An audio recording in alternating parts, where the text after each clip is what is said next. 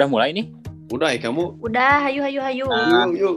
Ayo. Oh, ayo mulai. Halo teman-teman, bertemu lagi dengan kami di Haridin Podcast. Dengan saya Muhammad Fajar Hafidin, sering dipanggil Hafid, dan teman saya. Dan saya Henry. Halo, saya Rizka. dan ada Nazlan di sini. Kali ini kita membuat sebuah podcast untuk menuntaskan sebuah kewajiban, yaitu tugas kuliah. Yeay! Yeay.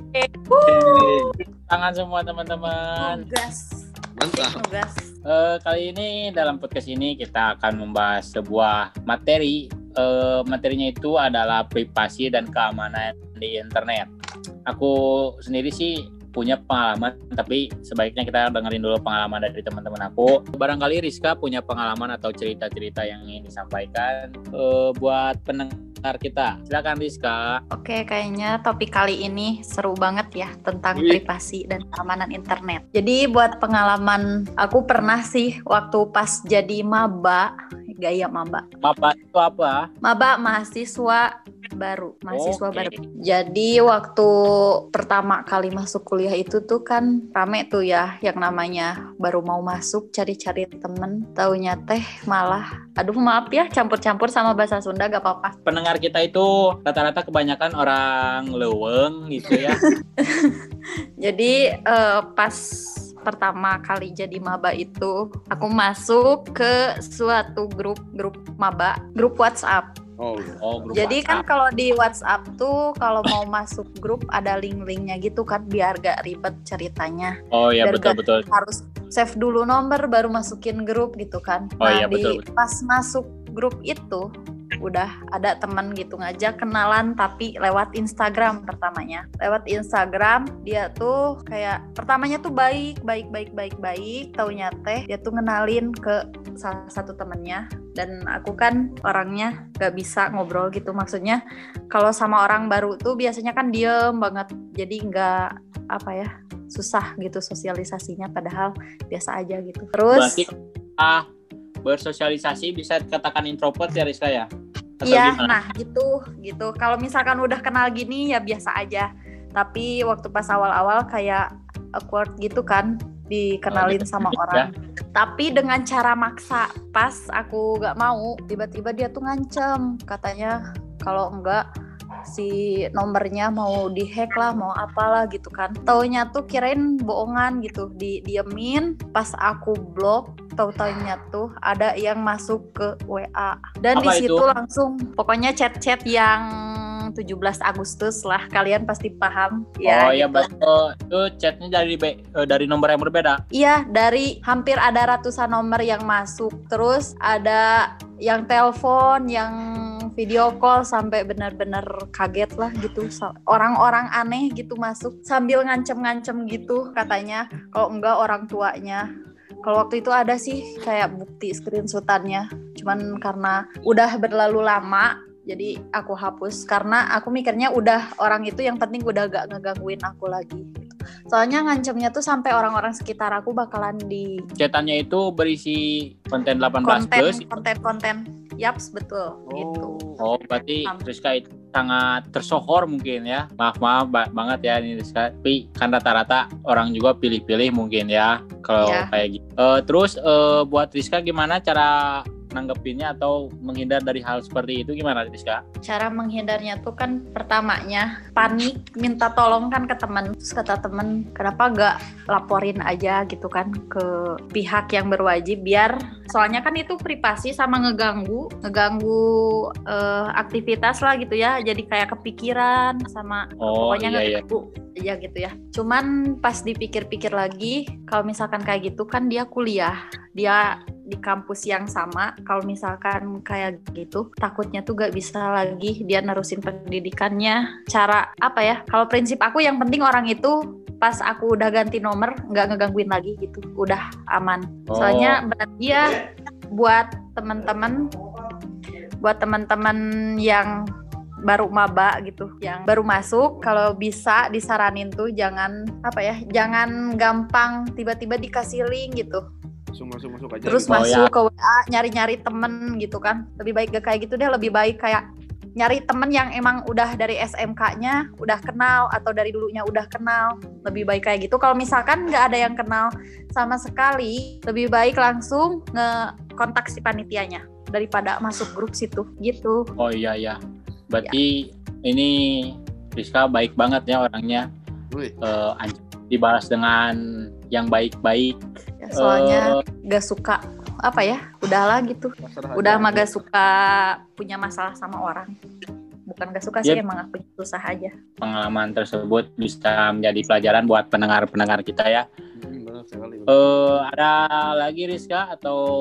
Mungkin udah cukup dulu buat pengalaman dari aku. Boleh selanjutnya. Terima kasih buat Rizka buat pengalamannya sama sangat saya mungkin bagi bagi para pendengar juga sangat bermanfaat. Oke selanjutnya kita kembali di topik ini ya privasi dan keamanan. Selanjutnya kita akan mendengarkan eh, cerita atau pengalaman dari eh, Hendriawan pengalaman tentang privasi dan keamanan di internet ini. Oke, untuk pengalaman pribadi aku untuk privasi dan keamanan internet. Nah, jadi waktu kapan ya? Oh, udah lama banget sih ini udah oh waktu SMP, waktu SMP kelas 9. Wow, lama banget ya SMP ya. Sekarang Hmm. kamu ya ya, berarti hampir 5 sampai 6 tahun ya. Hmm, hmm. Oh. Gimana gimana gimana pengalamannya Henry? Jadi waktu dulu teh aku pernah beli di beli barang online itu sepatu sepatu bola, sepatu bola ya. Itu beli we ya. Nah, 2 sampai 3 hari kemudian barang itu datang kan daripada paket. Tah. Aku unboxing kan di rumah teh. Wuh, senang. Barangku datang. rame ya Keren. Unboxing aku teh ya. Nah, sama aku teh unboxingnya tuh rapih banget si si apa packagingnya teh rapih sama aku tadi di apa di bukannya teh. Nggak sampai yang rusak-rusak tahu kan? Yang unboxing wuh sama aku mah rapih waktu itu dulu teh. Nah terus si sampah packagingnya tuh aku buang sembarangan. Jadi dibuang aja gitu ke ke tong sampah. Nah salahnya waktu itu teh si data-data aku kan ada di sana kayak nomor telepon email kayak gitu-gitu kan Oh, yang suka dilakban dari itunya ya. di packagingnya Oh iya iya iya. Ya. Iya aku juga sering gitu sih. Terus terus gimana Henry? Nah, dari situ teh. Nah, seminggu kemudian ada yang telepon gini, "Halo, ini dengan Henry ya?" Ya, dengan, Iya, dengan Henry. betul. Jadi kayak mengakui kayak gini ya, ka- kayak telepon yang minta pulsa gini, tahu gak? Oh, mama beli mama minta pulsa, mama lagi darurat gitu. Ya, kayak gitu. Kataku, "Hah, Mama? Mama aku lagi ada di sini gini-gini gini kataku teh. Oh, gitu enggak ini sih Mungkin. gini-gini gini. Mungkin mama tiri kamu itu atau bukan? Oh, bukan. Aku masih Oh, kirain kamu Masih- punya mama berapa? masih normal. mama muda kali Wow. Ya. Nah, habis dari itu teh, ah siapa ini kata gue teh. Nah, dari situ teh, aku langsung ganti kartu Oh, sebelum di ganti kartu kamu Apa? kaget tercengang Henry. tercengang. Apa yang tercengang? Kaget yang wow gitu. Iya, bener itu kaget banget pokoknya mah.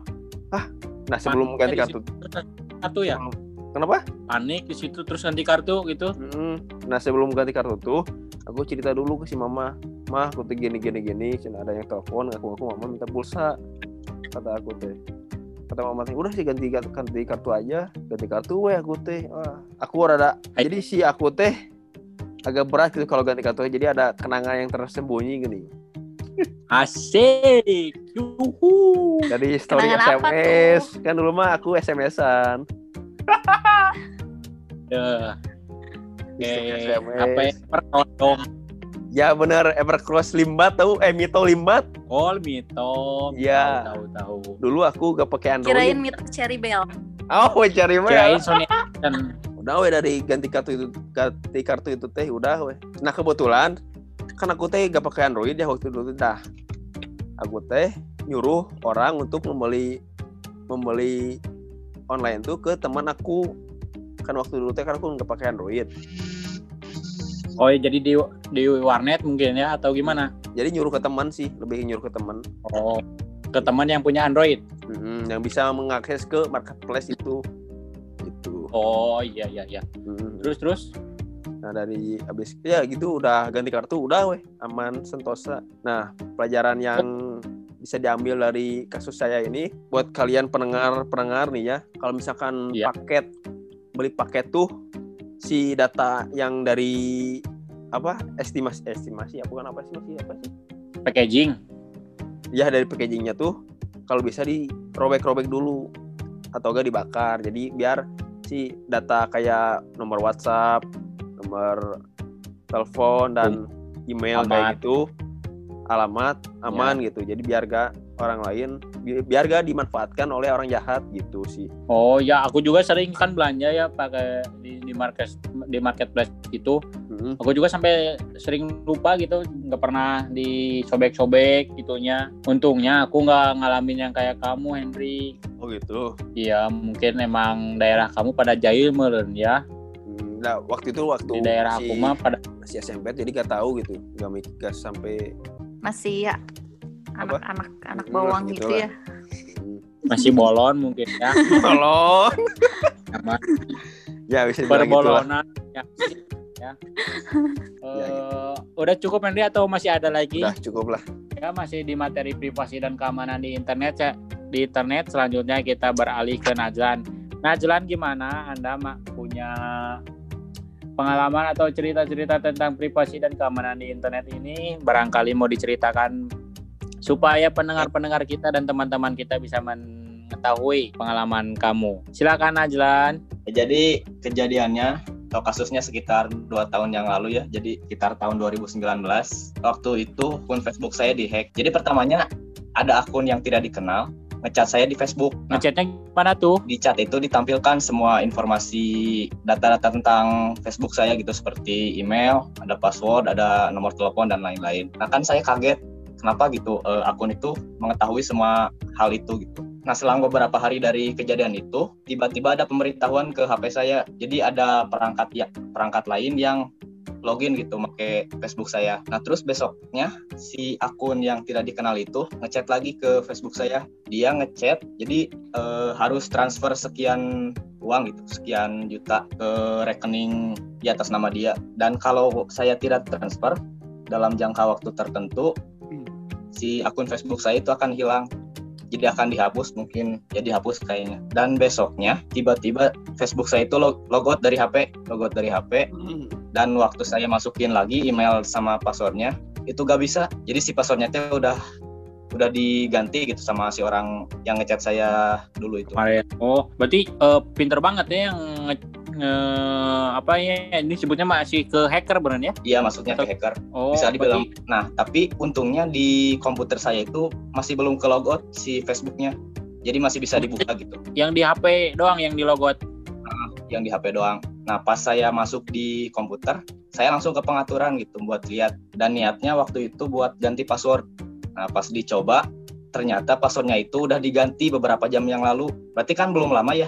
Oh ya, berarti masih Kak, itu gitu. Kamu kalah cepat berarti ya? Hmm, Terus terus terus. Nah terus pas di pengaturan itu juga saya lihat ke device yang login pakai akun Facebook saya. Pas dilihat itu ternyata ada tiga device kalau nggak salah. Jadi yang satu device itu komputer saya, yang kedua HP saya. Nah yang ketiga ini yang orang yang nggak dikenal itu Hmm. ternyata dia kotanya di Palembang. Waktu saya lihat di pengaturan teh, di Palembang Oh yang oh kan maps-nya ya? ah, ah, mapsnya kan kelihatan. Ah, ah, betul betul.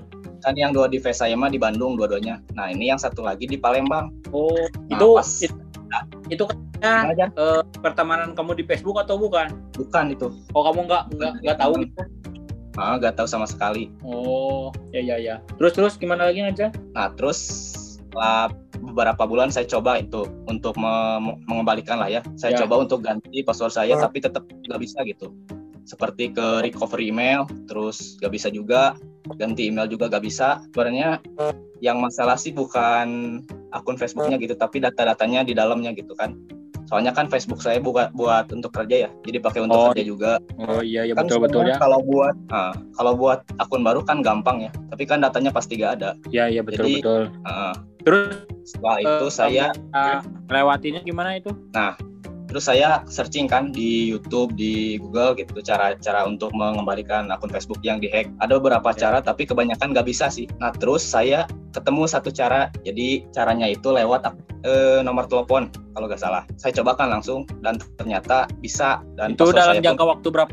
baru-baru sih tahun 2020 kalau salah. Oh, jadi kan akun Facebook saya di ya sekian satu tahun kurang mungkin Oh jadi kan iya, akun iya. Facebook saya di hack 2019.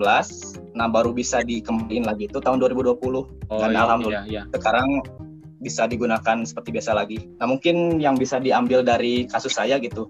Jadi kita sebagai pengguna Facebook itu. Dan ini saran juga untuk yang orang-orang yang sedang menggunakan Facebook gitu. Jadi maksimalkanlah fitur keamanan di Facebook. Contohnya seperti verifikasi dua langkah, terus verifikasi nomor telepon juga dan sebagainya. Dan juga kalau bisa jangan terpancing gitu. Kalau ada orang yang di yang nggak dikenal gitu, kirim link aneh ke chat kita atau ke berandal apa pun itu. Jadi bi- bisa jadi itu teh phishing kayak kasus yang Rizka tadi bilang. Oh, yang yang link yang link ya, yang klik. ya. ya, Oh, itu mungkin ada tanggapan dari teman-teman lain. ya eh, bisa bisa terjadi gitu beda kota yang hack dari Palembang gitu ya. Kan Ya, kalau kalau yang Henry tadi mungkin kan yang nemuinnya ya mungkin daerah sekitaran rumah Henry ya. Iya betul betul. Atau gimana Ya. saya kurang tahu. Masih dalam masih dalam satu cakupan kota gitu yang sama. Kalau ini dari beda kota tapi bisa nge-hack juga. Berarti ya balik lagi ke kitanya harus berhati-hati dalam menggunakan sosial media dan tentang keamanannya itu harus dibaca baik-baik ya. Eh, Pengalaman pribadi aku sih tentang privasi dan keamanan di internet ini eh, mungkin kalian juga pernah ngalamin atau kalian gak sadar gitu sama ini. Jadi suatu ketika itu aku teh pengen ganti jam, misalkannya jam tangan biasa gitu. Terus aku teh cerita ke teman, ke saudara atau ke orang tua, pengen beli jam yang baru nih, mau ganti. Nah tiba-tiba aku buka Instagram tuh iklannya itu pada jam tangan semua gitu gini. Jadi yang aku pengen tuh pada muncul iklan-iklannya tuh di Instagram. Kalian pernah ngalamin juga nggak sih? saya pernah. Tapi waktu itu kan saya pengen ini kan, pengen cari-cari baju gitu. Baju terus hoodie. Nah pas saya buka YouTube, saya scroll scroll, pas di tengah itu ada baju yang saya beli gitu. Nah, betul kan itu kayak jadi kayak apa ya? Kayak penyadapan gitu gitu tapi lewat suara kita gini. Jadi dalam Kayak Google jam- bukan sih? ya betul kayak kayak- kayaknya mah yang eh, nyadap juga dari pihak Google kayaknya ya. Kayak di aplikasi eh, aplikasi Instagram mungkin dari pas install kan ada tentang privasi dan keamanannya mungkin aku kurang baca.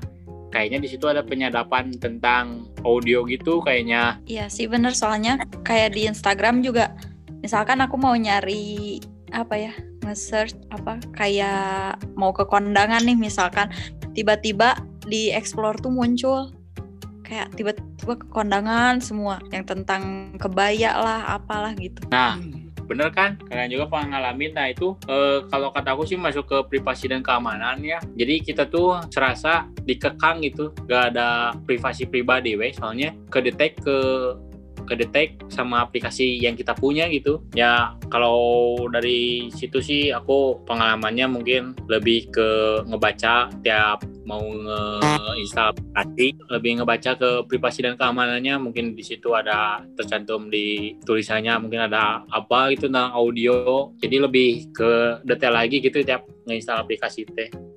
Buat teman-teman juga, buat pendengar kita, eh, mungkin kalian juga merasakan yang apa aku rasakan. Eh, setidaknya kalian dapat pelajaran dari pengalaman yang telah kita sampaikan ya. Ada tambahan lagi teman-teman buat podcast kita kali ini. Mungkin dari aku ya, buat teman-teman mungkin karena kita lagi bahas tentang privasi, pokoknya kita lebih ngejaga deh kalau misalkan apa-apa. Kayak sekarang di Instagram gitu, segala diupload gitu. Lebih baik enggak deh, soalnya kayak sekarang tuh aku pernah lihat di apa di salah satu akun. Jadi kalau misalkan kita ngetag lokasi, jadi si hacker teh bisa ngedetek kita. Jadi tag teh dari tagan lokasi Di itu itu Heh, tah di eta. Ya mungkin kita eh, update update misalkan di story IG atau update di mana pun. Lebih mementingkan ya ini yang seperlunya aja gitu ya. Yang nggak perlu teing mah gak usah di upload gitu mungkin. Itu maksud aku teh. Ini hese Ya. gitu. Kita berarti eh, mungkin dari yang Rizka sampaikan mungkin kesimpulannya tuh lebih bijak lah dalam menggunakan aplikasi media yang seperlu-perlunya saja. Supaya privasi kita itu gak kesebar gitu. Ada lagi yang lain mau disampaikan mungkin buat pendengar kita? sepertinya cukup sih. materi tentang privasi dan keamanan di internet itu sudah cukup. Lain kali kita akan membahas materi yang baru-baru lagi. Buat kalian yang mendengarkan podcast ini, terima kasih mendengar, telah mendengarkan podcast Harerin. Eh, by the way, Harerin itu dari singkatan dari Hafid, saya sendiri, Re-nya Henry, Hare, Re Henry, ya, Rin, Rin-nya teh Rizka, sama Najlan, jadi Harerin. Harerin mengudara karena tuntutan tugas. Yeay! Yeay. Ya buat pendengar-pendengar kita eh, mungkin sekian dari Harerin Podcast yang telah membahas materi tentang privasi dan keamanan di internet. Buat kalian-kalian semoga tetap bijak dalam menggunakan media sosial karena privasi kalian dapat terbongkar di media sosial tersebut. Saya Muhammad Fajar Hafidin dan rekan-rekan pamit. See you. Dadah. Ah, Dadah. Bye. Tepuk tangan.